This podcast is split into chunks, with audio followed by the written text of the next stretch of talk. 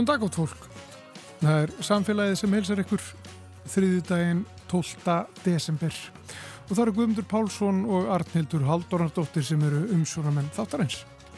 Mikið rétt og við ætlum ennu aftur að bregða okkur til Dubai. Við höfum gert það aðeins undanfarið. Síðasti dagur lofslagsráðstefnu saminuðu þjóða nægi Dubai í saminuðu arabísku fyrstadæminum en nú runnin upp eða hvað? Í dag átti allt að vera klárt, loka yfirlýsingin undirrituð af hátt í 200 þjóðum en eins og svo oft áður virðist ráðstefnan ætla að dragast á langin. Það funda fram á nótt og þreyttir samningamenn rína í tyrfin texta og utan við fundarherbyggin mótmæla svo langþreyttir fulltrúar félagsamtaka og bauka auðvitað líka ímislegt annað. Og við ætlum að taka púlsin á einum slíkum, honum finni Ríkard Andrasinni, fórsetta ungra umhverju sinna sem að hefur verið í Dúbæ í tvær vikur. Hvað verður í matinn á venjulegum þriðjudegi árið 2050? Þannig spurði Birgir Ört Smárasson, fagstjóri hjá Matís í fyrirlestri á matvælaþingi á dögunum. Og hann læði þessa spurningu meðal annars fyrir gerfigreind og fekk bara bísna trúverðu svör. Við förum yfir matseðil framtíðarinnar með Birgi hér og eftir. Spennandi. Eh, svo kemur Anna Sigriður Þráinsdóttir, málfarsráðunitur Ríkisútarsins til okkar og við ætlum að ræða um orð ásins 2023 en leita því stendur nú yfir dyrum og dingjum. Við byrjum á einu litlu jólalægi áður við uh, sláðum að þráðin til hans finns Ríkars Andrasonar í Dúbæ.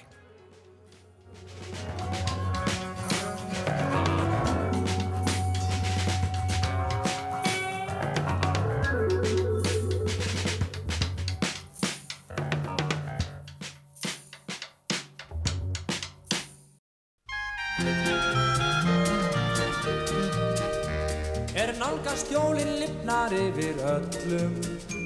Það er svo margt sem þarf að gera þá. Og jólarsveinar fara upp á fjöllum. Að ferðbúast og koma sér á stjá Jólinn koma, jólinn koma. Og þeir kafa snjó á fullri fart Jólinn koma, jólinn koma. Allir húast í sitt besta skart Hún mamma er heima skúra bak og bóna. Og bakar sanda fínu tertunum. Og nýri bæ er glása fólk að góna. Á gjafirna í búðar glukkunum Jólinn koma, jólinn koma. Allir krakkar fá þá fallegt dót. Jólinn koma, jólinn koma, það er gátt og allsins manna mót. Já, onni bæir eftir mörg að sætjast og allt er fullt í strætt á stílunum og bílar eru stopp og flaut og flætjast fyrir öllum hínum bílunum. Jólinn koma, jólinn koma, allt flætt og bend og feikna öss Jólinn koma, jólinn koma Fólk og bílar allt í einni kös Hann er svo blokkur auðinginn hann tappi Að ekki gat hann gefið mömmu tjól Svo andvart bar hann út á búðalappi Það er svo dýrt að halda þessi jól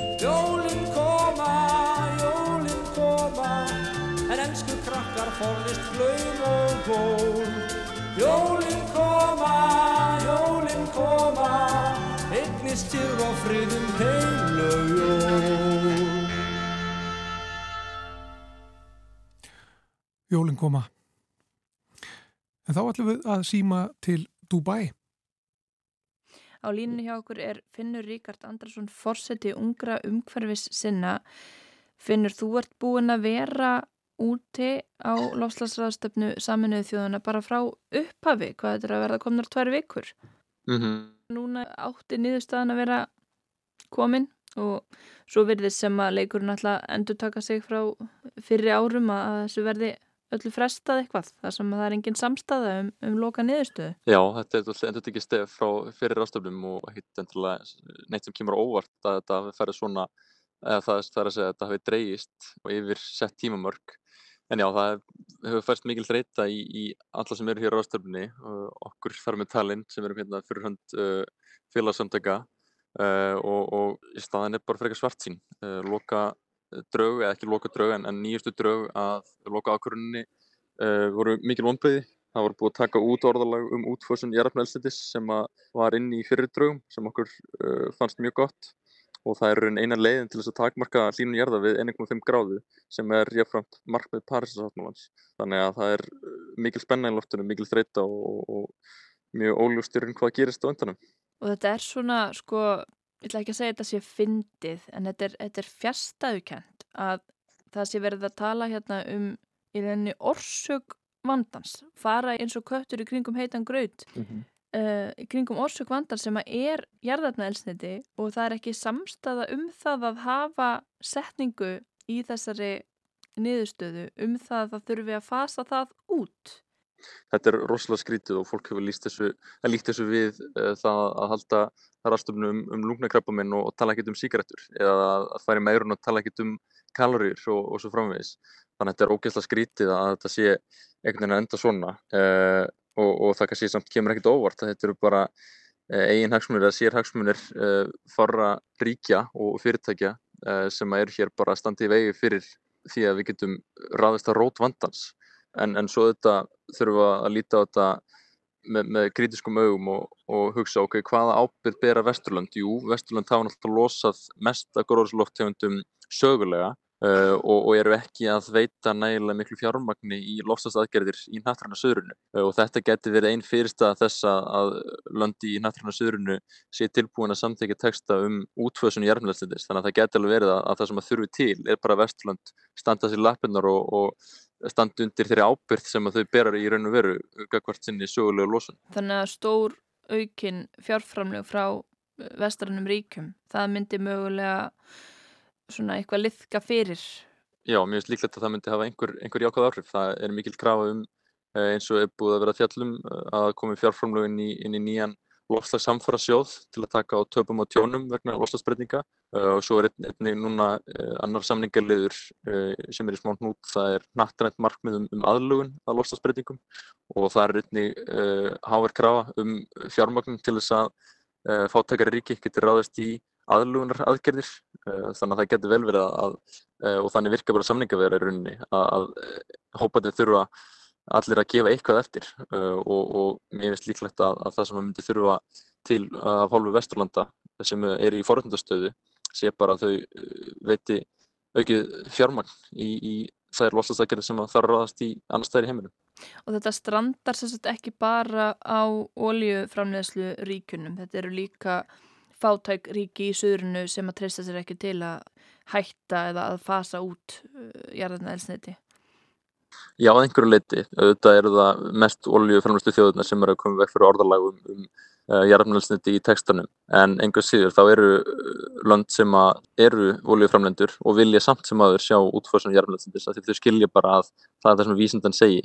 Þau segja að, að það þurfi að fasa út uh, þennan orkugjafa til þess að ná að takmarka, komið vekk fyrir versta aflenga losaflutninga en eh, auðvitað þarf að fylgja eitthvað fjármakt til þess að þau lönd sem eru fátæk fyrir geti fært sig í, í annars konar orkugjafa. Það er ekkert einfalt en til að losa sig við í jarfnælstindi uh, eh, úr samfélagi okkar. Það er inn í öllum gerum samfélagsins þannig að það þarf að koma einhver, einhver aðstóð frá þeim sem að eiga mest fjármagn í heiminum til þess að aðstóða í þessari uh, umbreytingu.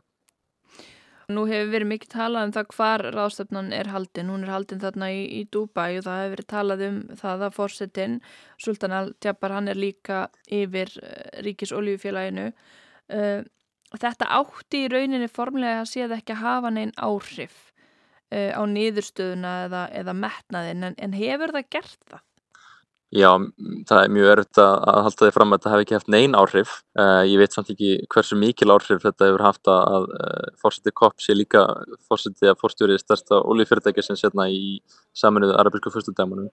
Uh, en það hefur óneitanlega haft eitthvað með núverandi stöðu að gera í samlingaverðanum. Það eru hérna rúmlega 2400 fulltrúar ólífyrirtækja allstarað á heiminum og þeirra áráður hefur klárlega haft sitt að segja í, í útvötnun þessa samningateksta og það getur vel verið að, að Fórsætti Kopp hafi haft eitthvað með það að gera eða að hann sé í þann, þannig erfiðri stöðu að honum finnst erfitt að þrýsta á metna, metnafulla niðurstöðu uh, að því hann er alltaf með svo marga hatta þannig að það hefði klárlega uh, já, ekki verið verra að halda þetta einhverstar annar staðar. Hins vegar gæti líka verið að fyrst þetta er haldið hérna þá hafi umræðan doldið færst á herrar plan. Uh, við sjáum það að við höfum aldrei verið eins nálægt í og við erum núna að ná sterku orðalagi um útfásun jarfnælsendis inn í samningateksta á COP. Þannig að það er alveg hægt að líta á þetta úr mörgum áttum og segja að það að halda þetta hérna í þessu landi uh, sé bara gott að því að þá fá við oljufyrirtækina borðinu og umræðan hefur orðið háverri. Og ykkar hlutverk núna, þetta er náttúrulega fjölmennasta lofslagsráðstöfna sem hefur verið haldinn, en eh, nú eru samninga aðlarnir eða svona sérst, ráðamennir, þeir hafa verið núna eh, að reyna að koma sér saman um, um loka texta. Hvert er ykkar hlutverka á meðan? Er þið bara að taka því rólega og býða eftir næstu uppfæslu að hérna, næstu draugum verði hlaðið upp og þið getið rýnt þau eða hvað gerir þið? Þið, þið komist ekki inn í þessi samningaherbergi. Nei, nei, en, en við reynum að, að hafa eins mikil áhrif við getum samt sem áður þó við komast ekki inn á samningafundina sjálfa þá getum við uh, haft uppi á samningarnemndum uh, til dæmi samningarnemnd Íslands og, og við uh, pössum það í gerðkvöldið þegar nýju tekstinir voru byrtir að fara strax til þeirra og, og láta þau vita af okkar vonbríðu með orðarlægið tekstanum og, og brína fyrir þeim að, að okkar væntinga til þeirra væru miklar að við myndum vilja heyra þau tala skýri röttu inn á fundunum sem núna eru eftir til að þrýsta á að orðalagum útfössun jarðarnælsleitis komist aftur inn í textan. Þannig að við bara reynum að fylgjast vel með í, í gegnum alls konar upplýsingar á sér um, um stöðu samningaviðranna sem eru, já, sem eru eiga sér stað í alls konar bakkabryggjum og svo þetta eru við að miðla upplýsingum út á við uh, til, a, til að auka þrýsting uh, úr öðrum áttum, að fólk sé upplýst um hva, hvað sé í raun og verið í gangi uh, og, og svo eru við að funda með öðrum ungmennum og, og félagsamtökum Uh, og reyna að uh, leggja línunar varandi það hva, hvað við getum mjög gert og við heldum mjög friðsamlega mótmæli í gerðkvöldi þar sem við myndum tvær stóra raðir fyrir framann ingangin að einu stóra samlingaherbygginu sem að ráþærarnir fóru inn í gerð til að funda og, og þeir þurftu að lappa milli okkar allra til að komast inn, inn í fundarsalin og, og með því sendum við skýr og, og sterk skilabóti þeirra að við værum hér og við værum fylgjast með og okkar vendingar væru miklar til þess að fá róttakar niðurstöðu þannig að við gerum okkur besta til þess að láta ykkur heyra.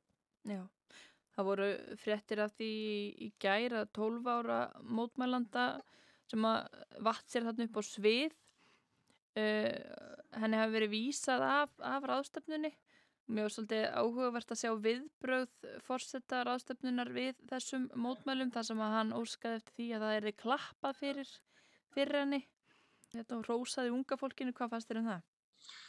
Já, ég veit ekki alveg hvað mér á að finnast um það. Það er bara hræðilegt að, að uh, þessari 12 óra uh, stelpu hafi verið vísa út af ráðstöfnunni. Uh, hún var bara að segja sannleikan, hún var að segja það að til þess að takmarka línun jarðar við 1,5 gráð þá þurfum við hreinlega að fasa út jarðmjöldstindi. Hún var bara að segja satt og, og vernda framtíð sína og okkar allra. Þannig að það er mjög skrítið að, að það með ekki segja satt hérna inn á þessu ráðstöfnum og, og þó hann hefði farið kannski óhefbundin leið að því þá held ég að það hafi ekki verið mjög alvarlegt. Uh, svo vitum við auðvitað ekki hver nákvæm ætlun uh, fórsetta kopp er. Hann hefur sagt að hann vilji fá róttækar niðurstöður út úr þinginu, hvað svo sem það þýðir. En það geti alveg verið að einstinni þá longi hann að fá stert orðalaga því það náttúrulega lítur vel út fyrir hann og, og, og landið hérna ef það koma sterkar niðurstöður. Þannig að það geti vel verið að, að hann longi í uh, skýrt orðalagum um útfösun jarðmjöldstættis en ég, já, ég veit ekki alveg hversu miklu ég myndi veði á það. Nei, hann allavega klappaði fyrir stelpunni áður en hún var reikin út af ráðstöfnunni. En sko ef við tölum að þessum þennan texta, þennan mikla texta, það er einhvern veginn allt um líkjandi í þessari lofslagsumræði þá eru þessar þykku skýrslur og, og hérna tyrfnu textar. Og þarna er verið að ræða orðalag og það sem að er komið núna, það, það er vantilega verið að býða eftir uppfærðum texta sem að fulltrúanir fá svo ansið stöðum tíma kannski til þess að kynna sér að það þarf að fara að ræðan hvað er það núna sem er komið þarna inn? Sem að þér finnst svona ég sá allavega þá að í fyrsta sinn er talað um neyslu og framleyslu á jarðanælsniti, það er þú eitthvað? Já, það er alveg rétt að þetta er í fyrsta skipti í rauninni sem að ef að uh, það helst inni, uh, þetta orðalag um, um jarðarmjölusniti, uh, þá verður það í fyrsta sinn sem að er minnst á það í, í ákvörðun COP, þá er minnst á út, ekki útfösun en, en það að draga úr framlýslu kóla fyrir tveimur árum í Glasgow á COP26 en þá var ekki tekið til olju nýja hérna, annara jarðarmjölusnita. Þannig að það er í raun samt sem haður sögulega ákvörðun einhver leiti en alls ekki fullnægindi. Það, það skiptir einhver máli uh, í rauninni að, að nefna það bara, heldur þurfum við að sko, senda skýr skilabóð um það hvað við ætlum að gera við þessi jarðmjölusniti. Það er ekki nóg að nefna þau bara á nafn, heldur þurfum við að segja skýrt okkur, við ætlum að hætta að nota að þannig helst orsakavald uh, lostasbreyninga. Þannig að það skiptir gríðarlega miklu máli að orðin sem er í kringum uh, jarðmjölusniti gefi skýrt til kynna uh, og sendir einn skýr skilabóð út til almennings og fyrirtækja og markaða og stjórnvalda heims um það í hvaða átt við sem heimssamfélag viljum stefna til þess að takast samilega á við flóstaskrísuna. Svona þegar upp er staðið skiptir þessi texti máli af því að nú eru engin viðurlög við því þegar að ríki fara ekki eftir þeim markmiðin sem þau setja sér í tengslum við Parísasamkomulæðið? Já, textinni skipta miklu máli. Uh, einmitt vegna þess sem ég sagði hérna rétt á þann að, að þetta sendir skýr skilabóð út í heiminn. Uh, fólk fylgist með þessum textum. Uh, fórstjóru fyrirtækja munu lesa þennan texta og hugsa ok, þetta er áttin sem við ætlum að stefna í. Þannig að þetta skiptir virkilega miklu máli þó það sé ekki endalega neinn beinhörð viðurlög og, og svo þetta virkar svona alþjóðlega ferðlið þannig að uh, það er pólitísku þrýstingur frá öðrum þjóðum sem að, sem að lönd eru hrætt við. Þannig ef að uh, lönd eru búin að lofa að framfylgja einhverju sem er samtækt í þessum textum og, og standa svo ekki við það uh, þá eiga þau hættu að, að komi bara afleðingar af, af pólitískum toga hvort sem það eru viðskiptaþinganir eða, eða já, það, það myndi veikja stöðu þeirra í, í alþjóða pólitíkin almennt þannig að þetta er svona kannski míkra heldur en viðlög en, en samt sem að getur skipt miklu máli fyrir lönd að, að standa við þau orð sem verða samþygt hér. Og það er líka að tala þarna um eh, niðugreðslur á framlegslu jarðmjöðarsnættis. Því hvort að það markar einhver tímamót og líka um orgu fátækt og svona þessi réttlátu umskipti. Já, það þetta skiptir gríðarlega miklu máli að, að uh, við hættum strax um allan heim niðugreðslu á jarðmjöðarsnætti það er bara absúrt fyrirkomulag sem við þurfum að losa okkur við sem allra allra fyrst. Og jú, svo eins og nefnir, þá er líka minnst á, á réttlátt umskipti eh, á sögum stöðum í textanum. En aftur þá er orðurlega ekki alveg nóg stert, ekki alveg nóg skýrt. Og það er það sem við viljum, við viljum, viljum fá afdráttalösa texta eh, sem að senda þessi skýr og skílabóð, eh, ekki bara að sé, sé einhver ákveðin orð sem er flykt inn að þess að það sé sett í, í samengi eða að þess að það sé sagt til um hvað við ætlum svo að gera við orðin, hegi tengsli við orðin. Þetta eru langar setningar, það eru ymsir frasar sem er svona verið að setja þarna inn, kannski bara til þess að kvita fyrir eitthvað og, og svo eru þessar glufur og það er, það er sem að er svo hægt að nýta sér. Já, svo sannarlega. En fólk er orðið ör þreytt þarna. Ég sá að ráðstefnisvæðinu var líst sem einhvers konar draugabæ núna. Það búið að vera ís og þess og allt í gangi og, og Ertu búin að fara að lappa eitthvað um í morgun og svona upplifa stemminguna í dag? Já, við komum hér uh, já, um hálf tíu liti í morgun og það er mun færra á svæðinu heldur en hefur verið núna undanfarnar tvær vikur. Það er klárlega margir sem eru farnir heim en, en samt voru, var tölverta fólki sem var hérna í nótt að, að funda og, og að mótmæla og, og svo framvegs. Uh, þannig að þó að það sé miklu færra og, og stundum dolti skrítið að lappum uh, þar sem áður var 2000 uh, manns þá, þá er alveg slatta fólk hérna þá og, og margir sem að vilja þrýsta á róttakar neðstöður og það sem við sækjum okkar von og, og þrautsu í. Það er, það, það er fullt af fólk hérna sem vil róttakar neðstöður það er bara við, við verðum hér til morgundags og, svo vorandi verða fleiri lengur ef, ef þess þarf og tilfinningarnar þær hafa kannski bara stigmagnast eftir því sem álýður. Ég sá til dæmis áhrifaríka yfirlýsingu frá fórsvarsmanni Kirrahafsríkja frá Samoa sem talaði um að hann ætlaði ekki að skrifa undir eigið dánarvottorð.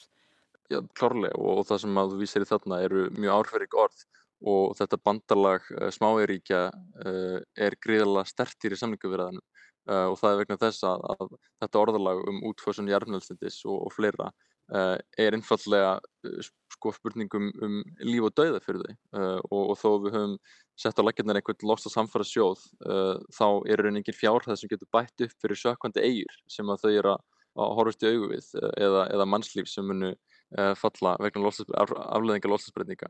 Þannig að það, það er mikið í húfi og það er þess vegna sem við erum hérna og það er þess vegna sem eru svo miklu tilfinningar og það er þess vegna sem fólk er að þrýsta svona mikið á, á jákvæða niðurstöður af því þetta er ekki bara orð og texta heldur er þetta, snýst þetta um uh, það að, að eh, koma í veg fyrir verstuð afleðingar loslasbreytinga sem eru snert okkur öll á, á neikvæðan hátt. Já, þetta er ótrúlega áhugavert ræðilegt auðvitað og fjärstaðukent einmitt eins og við töluðum um það að, að það sé umverulega verið að, að deila um það hvort að það má orða orsök vandans og, og orða það að bregðast umverulega við orsök vandans á sama tíma og verið er að ræða framtíð framtíð mannkynsins og, og barna um allan heim sko. Mm -hmm. Þannig við sjáum bara hverju framvindur þarna, þið fylgist áfram með og takk fyrir að ræða með samfélagið Finnur Ríkard Andrason á COP28 í Dubai. Takk sem leis.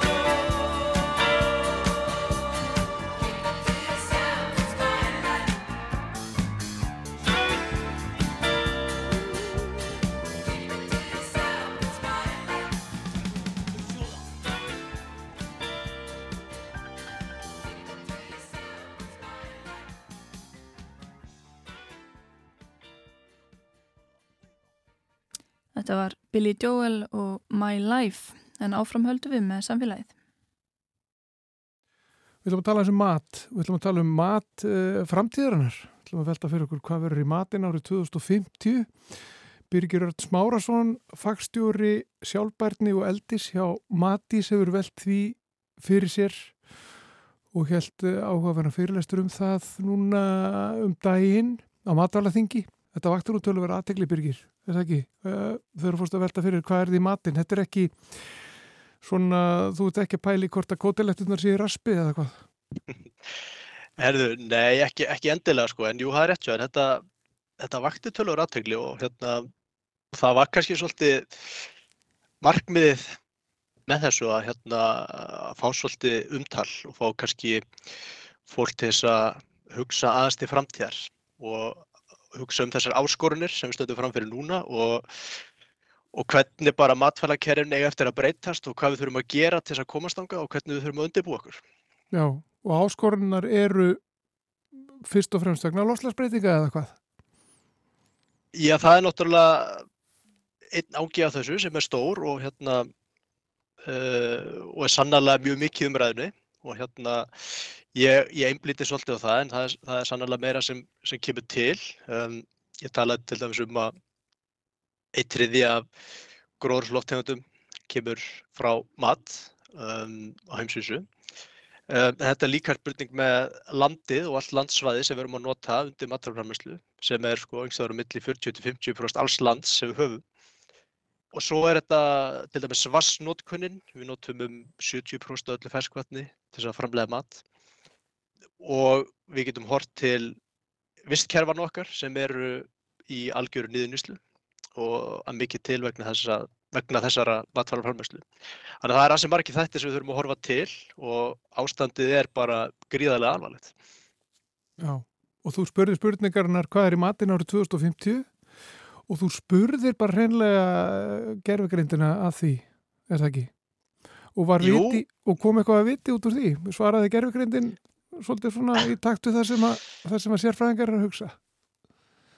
Já, hún, hún gerði það nefnilega sko og hérna, mér fannst þetta allavega svona þegar ég var að hugsa um efni og erindi hérna fyrirlestu sinns að þá hérna og að þetta voru svona framtíða pælingar, ég er svo mikið sérstaklega spámaður en auðvitað sjáum við hva, hva, hvað er svona og hvað verður að einhverju leiti í framtíðinni en það var, mér fannst þetta svolítið sniðut að tala við gerðvigerend og spurja hana hvernig hún sagði þetta fyrir sér og ég, svona, ég talaði við nokkrar mismurandi og gerðugrendir og, og hérna letar útbúa myndir og svona fyrir mig og, og þetta var allt, allt svolítið svipar sko. Það komið alla með þetta eins og fólk kannski sem var þarna sá, sá á myndunum sko að þetta var mikið sko skortýr kom alltaf við sögu, þörungar og örþörungar um, þessar stórþörungar og örþörungar og, og hérna frumurækta kjöt, þrývitaprentaðu matur, meira grammeti þannig að svona, þetta talar ágætlega við það sem við erum að sjá um, þróun uh, í matfælurframislu verða. Og, hérna, og, og byggist mjög mikið líka á, á hérna, hátækni. Þannig að hérna, þetta kom mér svona skemmtilega óvart og, og gaf mér bara svona, já, gaf fyrirlestinu svona skemmtilegt yfirbræð svona mínum að tegja. Og hvað er það sem, að, sem að er svona eh, handan við hotniði, ef við getum sagt það? Hva, hvar verður stóra bildingin í matfælurframislu á næstu árum? Já, ég talaði um hérna, talaði svolítið út frá tækninni. Uh, af því að við erum að fara að horfa á, og ég nefndi þetta árið 2050, við erum að horfa á gríðarlega miklar tækni breytingar og hreinlega bara byltingu verða í matfælakerfum. Uh, við erum að sjá þetta bara það tækið sem ég notaði fyrir fyrirlesturinn, um, gerfigrindina, hún á eftir að koma mjög stert inn og, og rauna bara umbreyta mjög mörgum þáttum í bara öllu lífinu, ekki bara, ekki bara í matfælafræmislu. Uh, þannig að við horfum á gerfigrind, um, Við horfum á sjálfvirknivæðinguna og þjarkana eða robotana í velmennin. Uh, við horfum jafnvel á, á flíildi og annað og þetta mun allt, allt saman koma meira og meira inn í matrálfæmislu. Til dæmis frumuræktaði kjöti, þetta er náttúrulega uh, tæknið aðferði sem er verið að þróa núna, bara nokkur hratt. Og við erum farin að og búin að vera að lesa um þetta náttúrulega í nokkur ár. En getum séð fyrir okkur árið 2050 þá, þá getum við hreinlega að fara út í búð og valið millir þess hvort við kaupum kjötstykki sem er frumuræktað eða, eða bara hefbundna dýrafurð og svo hérna og svo er þetta sem ég, ég kallaði sko gerjun eða stýrða gerjun sem á ennsku kallast precision fermentation, þar sem við erum að nota örverur í svona hérna, gerjunaferli og með þessari stýrðu gerjun þá getum við framleitt til dæmis uh, mjölkurprótein, eggjaprótein með þess að leður uh, og þetta er líka tækni sem að er að riða sér til rúms. Gerjun, svona venjuleg gerjun eru þetta aldagumul aðferð og notuð í matalflamislu mjög mikið. Um, en við erum að sjá þess að stýrða gerjun koma inn og, og verða jafnvel svona uh, einhvers konar framtíðar landbúnaður. En svo eru annað, annað sem við höfum hérna, mikið verið að tala um til dæmis eins og skortýr og skortýraprótein, örþörungar og stórþörungar, þetta er náttúrulega eitthvað sem við þekkjum bara mjög vel af, af umræðu síðustu ára og það er kannski stittra í að, að þetta verða veruleika og, og, hérna, og kannski svona einfaldara að, að hérna, koma þessu svona næstu tíu árum kannski, meira inn í okkar mat og við sjáum það þetta bara nú þegar gerast. En svo er það þetta með, með sko bara því hefðbundna plöntufæði að eh, ég er búinn að tala mikið um tæknina og hvert hún aftur að fara með okkur og gera það þessu fyrirlestri en, en þetta hefðbundna plöntufæði það, það mun vera árið 2050 vera mun stærri partur af matardisknum heldur en núna, núna þekkist og í einn vestran heimi er borðum við náttúrulega mjög mikið að dýraafröðum, mjög mikið að kjöti og þetta er eitthvað sem verður að minga mjög skart á næstu árum. Og þá eru aðra leiðir til þess að, að framlega prótín sem eru mikilvægir eða hvað? Já, og það, það er einmitt sko, allt, við tölum til dæs mikið um, já, þessi við, þá svona við hjá Matti sem erum að rannsaka og skoða þessi hluti, þá tölum við svolítið um uh, ný prótein, eða sem ennsku kallast alternative proteins, sem er þá í rauninni bara eitthvað sem, að, sem er valkostur uh, við sagt, þau matvæli sem við framleiðum sem, og hafa hérna, mjög mikil umhverfisleg áhrif, til dæmis bara eins og, eins og kjöt. Uh, þannig að þessi nýbrótein, uh, þau eru hérna, þetta snýst allt um að, að framleiðslan á þeim sé í rauninni sjálfbær og umhverfisvæn. Og ef við tökum bara, bara sem dæmi, við tekið skordýr og, og bara örþörunga, að til dæmis þegar við erum að framlega skortýr þá eru að, erum við að ala þau eða gefa þeim að borða uh, hluti af plöntum sem við erum ekki endilega að borða eða endar í ruslinu eða eitthvað alveg. Þannig að þarna erum við starft komin inn í næringarefna hringrás þar sem þau eru að nýta þessi næringarefni og örþurungar, við getum til að snemmt dæmi fyrirtæki sem við vinum mikið með hérna, upp á helliseiði þar sem þau, þau eru að nota CO2 útblástur frá helliseiðavirkjun til þess að rækta örþörunga. Þannig erum við aftur að tala um ringrás. Þannig erum við líka að tala um að þannig er verið að rækta þetta í sagt, uh, uh, svona, það er verið að byggja þetta upp. Þetta tekur ekki mikið landsveði og framlegsla á þessum örþörungum sem eru mjög prótiríkir og mjög hérna, bara næringaríkir almennt. Um, veist, og ef við berum þetta bara saman við til dæmis bara nautakjöt þá, þá, þá, þá tekur þetta sko minn en 1% af því landi sem þarf til að búa til sambarlegt magna nautakjöti, minn en 1% af vatni og losa nánast í ekki neitt eða jafnvel, já, eða bara losar ekki neitt á gróðsflótti vegna þess að þetta er að taka, um, eins og ég sagði, koltvísýring frá, frá virkjunni. Þannig að þessi, þessi framtíðar mynd og þessi framtíðar matur og þessi framtíðar prótein, þú snúast öllum þessa sjálfbarni og þessa ringrás.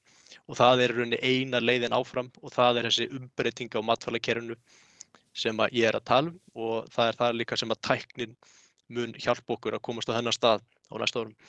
Já, en er prótín bara prótín og er, er um, mannfólk bara gert til þess að, að innbyrða prótín, uh, hvernig svo sem það uh, er? Ég meina, er, er hægt að framlega eins og svona, svona prótín úr, úr örþórungum og um, útbúa já, næringaríka mat sem að hendar fólki. Já, algjörlega og auðvitað þegar við erum að skoða þetta þá verðum við alltaf að skoða þetta út frá um, ekki bara einhverjum e, sjálfbarni og hérna, einhverju álægi og umhverfið heldur líka uh, næringum, heilsusamlegu matæraði. Og það er hérna, er prótín bara prótín, uh, þetta er sko, við getum skipt prótínir í aminosýrur og hérna, og við þurfum ákveðnar aminosýri sem að líka minn til dæmis getur ekki framleitt um, uh, og ef við, af því bara við erum að tala um þessu örþurunga þá er til dæmis bara aminosýri samsetningin er mjög góð. Uh, við þurfum að gæta þess uh, að þessi aminosýri séu í góðu balansi og við fáum all, allt það sem við þurfum. Ef, ef við borðum bara fjölbreytt mataræði, þá er þetta yfirleitt bara aldrei vandamál. Hvort sem við séum uh, plöntuætur, vegan, uh, kjötætur eða hvað það er, yfirleitt er þetta ekki vandamál ef við borðum bara nógu fjölbreyttan mat þar sem að allt kemur við sögum. Og meiri segja sko, nú, nú er ég ekki næringafræðingur, en ég ætla ekki að fara hérna einhvern hálan í sko, en, en meiri segja sko, ef þú ert vegan, þá, þá er þetta alveg hægt. Það er til dæmis, það eru efni eins og til dæmis B12 um, sem getur verið erfitt að fá úr plöntum og hérna, og ég held okkar aðal uppbreyta B12 verður bara úr kjöti, eins og, og nautakjöti. Uh, en til dæmis þessi, þessi örþörugur sem að hérna er verið að framlega þetta um sig, hann er til dæmis mjög ríkur af B12. Uh, þannig að það eru sannlega til leiðir til þess að uppfylla allar okkar næringa þarfir, uh, sama í hvaða matæraði við erum. Um, en þetta er eitthvað sem að fara alltaf að skoða í stóru samengi og mataræðið okkar þarf að vera heilsusamlegt og umhverfisvænt. Og Matís hefur tekið þátt í, í stórum verkefnum, er það ekki? Uh, alþjóðlegum eða evrópskum að minnsta kosti, þar sem er verið að skoða þessi mál alveg sérstaklega. Og ekki bara tekið þátt, heldur- bara reynlega verið þarna í já, farabrotti eila í þessum sumu þessara verkefna. Jú, það er rétt og hérna við höfum alveg skipað okkur svona, hvað við segja, stallið með þeim sem að eru hvað fremstir í að rannsaka sérstaklega svona einkom þessari nýbrótina og hvernig við getum komið þeim yfir í uh, matvæli og eitthvað sem við getum borðað. Við erum nýbúin að ljúka við stórt verkefni sem að hétt uh, Next Gen Proteins eða svona næsta kynnslóð af, af, hérna, af próteinum. Þetta var stórt fjár ára Evrópuverkefni með fjölmörgum þáttakjöndum alla Evrópu og þarna vorum við að skoða í þessu ákveðna verkefni vorum við að skoða þrjú ný prótein sem eru þá skordýr og, og örþörungar og eitthvað sem við köllum þarna einfrumu prótein eða örveru prótein getur líka verið. Markmið með þessu var nokkuð einfalt að við, við erum að vinna með ákveðnum aðalum sem eru að þróa þessi innhaldsefni eða þessi prótein og við erum að aðstofa þau í að, í að þróa þetta og, og hérna koma framleiðslinu uh, og bæta framleiðslu og svo erum við að prófa þessi innihaldsefni í alls konar matvæli með, með hérna, þáttökjöndu sem að uh, já, eru sérstaklega í því að koma svona innihaldsefnum og þróa matvæli út frá þeim og svo líka þetta í fóður fyrir dýr og við, við vorum með til dæmis í fiskjaldi og, og, hérna, og í kjúkling og með okkar frábæru aðilum þá náðum við að þróa fjölmargar matvörur, getur við sagt, sem að getur átt erindi bara núna og í framtíðinni. Sumt, sumt virkaði og, og annað virkar ekki og það er bara eðli uh, svona rannsóknarverkefna.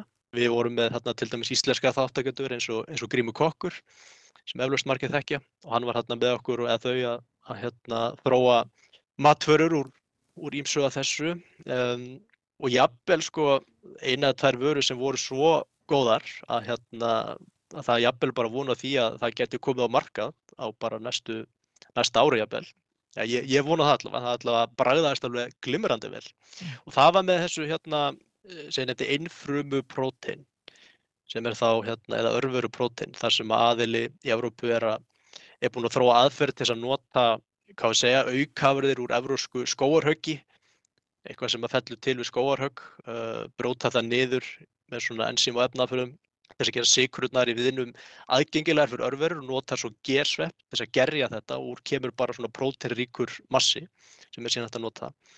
Og þessi massi, hann, hann hérna, uh, þetta innlandsefni eða prótein, eða hvað við viljum kalla það, hann er hérna, mitt, bara hári próteini, næringaríkur og bragðast einstaklega vel, sko, hann er svona ríkur af svona umami bragði, svona mikil fylling í munni og, hérna, og er tiltölu auðvelt að setja inn í íms matvæli.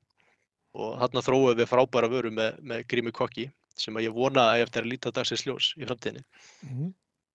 En hvernig, hvernig rýma þessar hugmyndir við bara stefnu stjórnvalda, kerfin, fjármögnun verkefna, tæknina, eh, eru þessar hugmyndir í takti við, eh, við það allt saman sko? Er þetta, eru, eða þarf að gera eitthvað skona átak líka bara í innviðum til dæmis til þess að þetta sé hægt?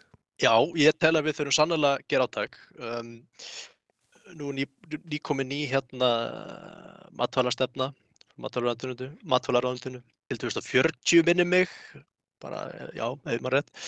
Uh, og þar er einstaklega margt gott að finna og það er margt jákvætt og jafnvel spennandi að gerast innan ráðunættisins um, þegar kemur að bara sjálfbæri matvaraframlöslu og, og hérna framtíð matvaraframlöslu en ég tel að við þurfum að gera miklu meira og eitt af markmiðunum með fyrirlestunum hérna á matvarafþingjum daginn var að okkur til umhugsanum það að það eru gríðarlega mikla breytingar og miklu meiri breytingar heldur en ég held að flestir átti sig á að fara að eiga sér stað um, á næstu áratugum vegna þessarar, allar þessar tækni sem við erum búin að tala um og, þessar, og þessi þörf fyrir breytingar vegna um, skulum segja bara umhverjus álasin sem að nú, núverandi hérna, matvæli kerfi stöðlaða.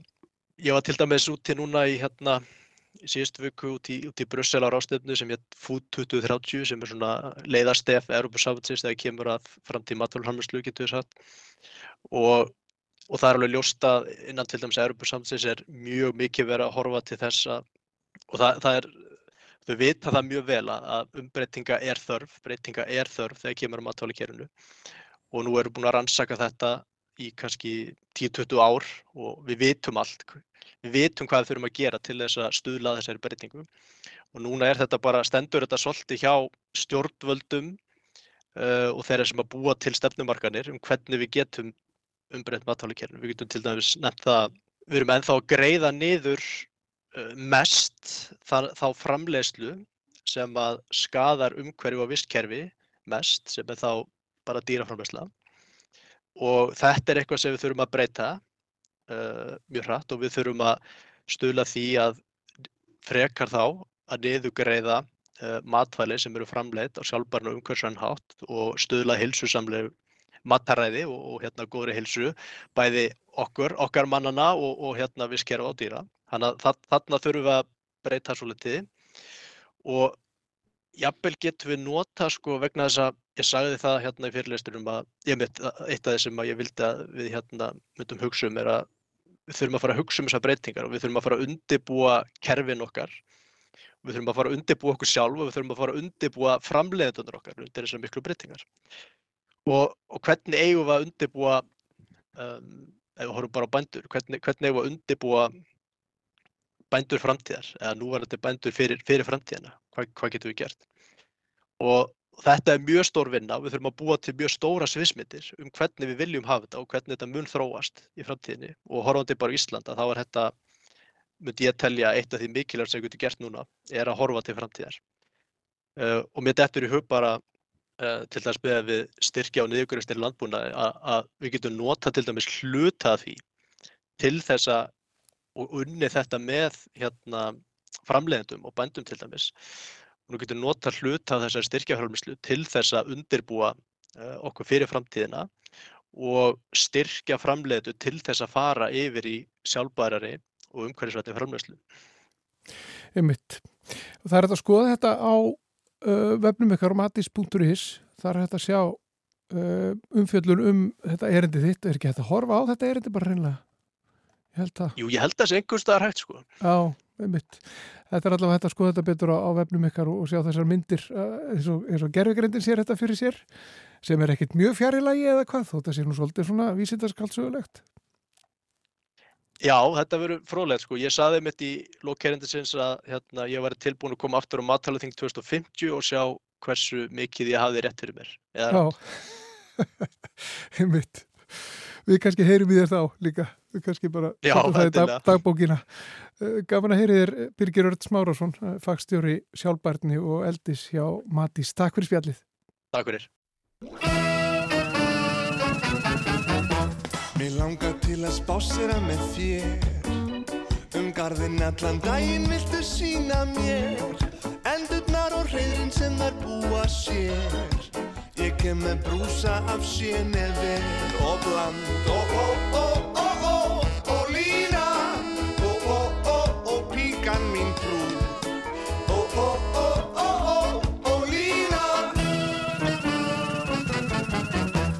langa til að stíga við í dans og svifta þér um góldúkin með elegans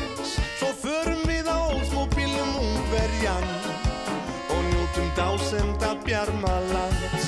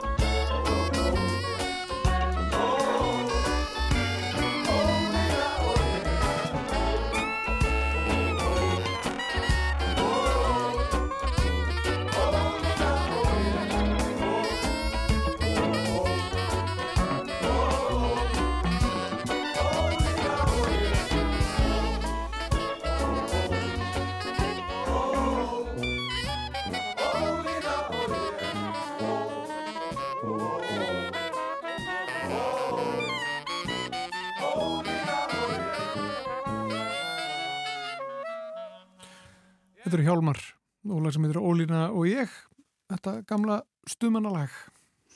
Og hún er sest hérna hjá okkur, Anna Sigriður Þráinsdóttir, málfarsráðunautur Rúf.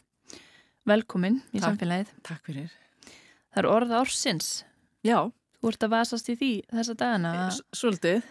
Já, nú erum við farin að leita að tillögum að orði ásins. Við erum búin að vera því eiginlega síðan um mánaðamót og það eru nokkri dagar til stefnu. Hlustendur eiga eftir að koma með sínar tillögur af orði ásins. Það er hægt að finna þetta inn á rú.is með því að fara svona allangt niður eftir síðunni. Mm Þá er, þá er þar hérna nappur á, á uh, hérna, eða kassi sem þetta smetla á. Það sem stendur hvert er orð ásins 2023 og þá erum við alltaf að leita því hvaða orð endur spekla umræðina í þjóðfélaginu á árinu. Hvað gerðist á árinu? Og hérna, já, og við viljum fá líka smá raukstuðning með hvers vegna er þetta enginandi fyrir árið. En segið mér, munið þið lengra aftur en í svona oktober, nóvumber? Munið þið hvað gerðist? Þið munið hvað gerðist í það nóvumber? fennir rosa fljótt yfir þetta hjá manni, sko. í, í nóvambir voru, og þetta er svolítið góð leið nefnilega að velja orð ásins til þess aðeins að, að dusta rikið af svona helstu atbyrðum ásins. Mm Bara þetta eitt, eitt orð getur sagt okkur svo mikið, Já. sem er skemmtilegt. Það hefur náttúrulega verið mikið um uh, jarðfræringar Jú, jú, og Já, eitthvað af þeim, eitthvað orðum, já það er svo sem ekki einhverja þetta bara fyrir árið í ár. Það hefur nei, verið undan farin ár, Já. og við, Mm. okkur finnst nú, okkur um kannski ferskast í minni uh, lætin í Grindavík sem að eru enn yfirstandandi í runni Mm. og fólk fær ekki en þó að sofa heima hjá sér en það varð eldgós fyrir árinu ég held að sé allir búin að gleyma Það er því. allir búin að gleyma því, sko. Já, ég man ekki eins og alveg nákvæmlega hvernig það var. Mér minnir að það hafi verið í júni og þá var svona svolítið um, um eldgósa orð í umræðinni uh, við munum kannski eftir að það var það var kvennaverkvall í oktober en það muna kannski færri eftir því að það var mikið talað um neyslurými og opjóiðafaraldur og uh, það var talað um kjara vetur framundan. Ýmislegt svona sem að er svolítið svona dottið út úr kollinum á manni.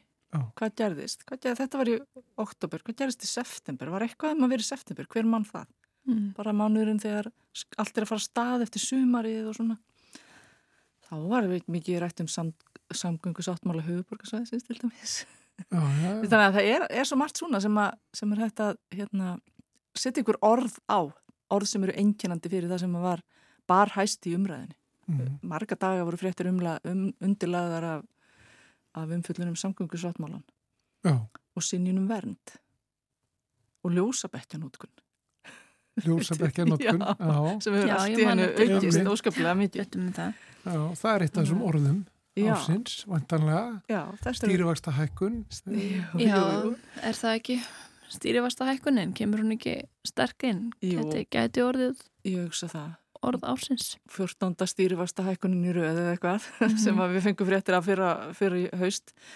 Uh, en svo líka bara ef við horfum aðeins út fyrir okkar heim þá er ennþá stríð í Úkrænu og svo var hérna brast á stríð í Ísrael og Gaza sem að við erum með fjöldamörg orð sem að tengjast þessu.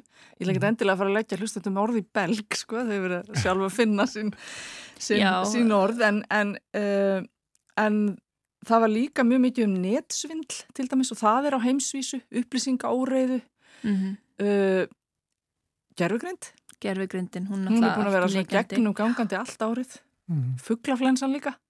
Það er alveg farið fram hjá mánuði, mér sko. eiginlega. Já.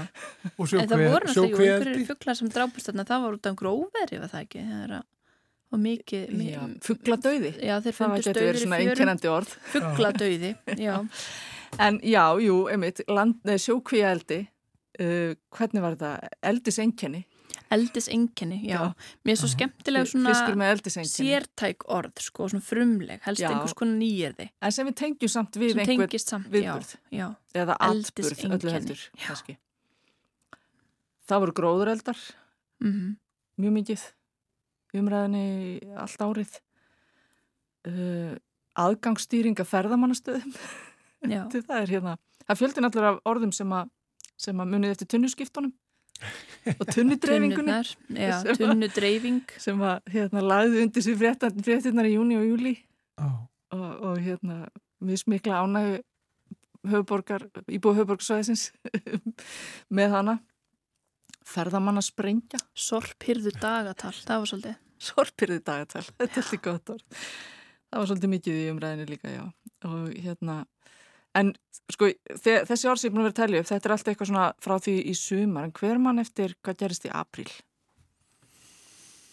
Þá var mikið rættur af, af skutuslis Já, já, riðusmitt já, Í mars voru snjóflóð, allir búin að gleyma því, mjög miklum snjóflöðum á, á Östurlandi. Eða kannski ekki allir búin að gleyma því en margir, nei, líklegast ekki allir. Aldrei ekki allir. En þá var líka til dæmis tala mikið um neyslurými og svona örugsvæði, næturstrætó, Mhm.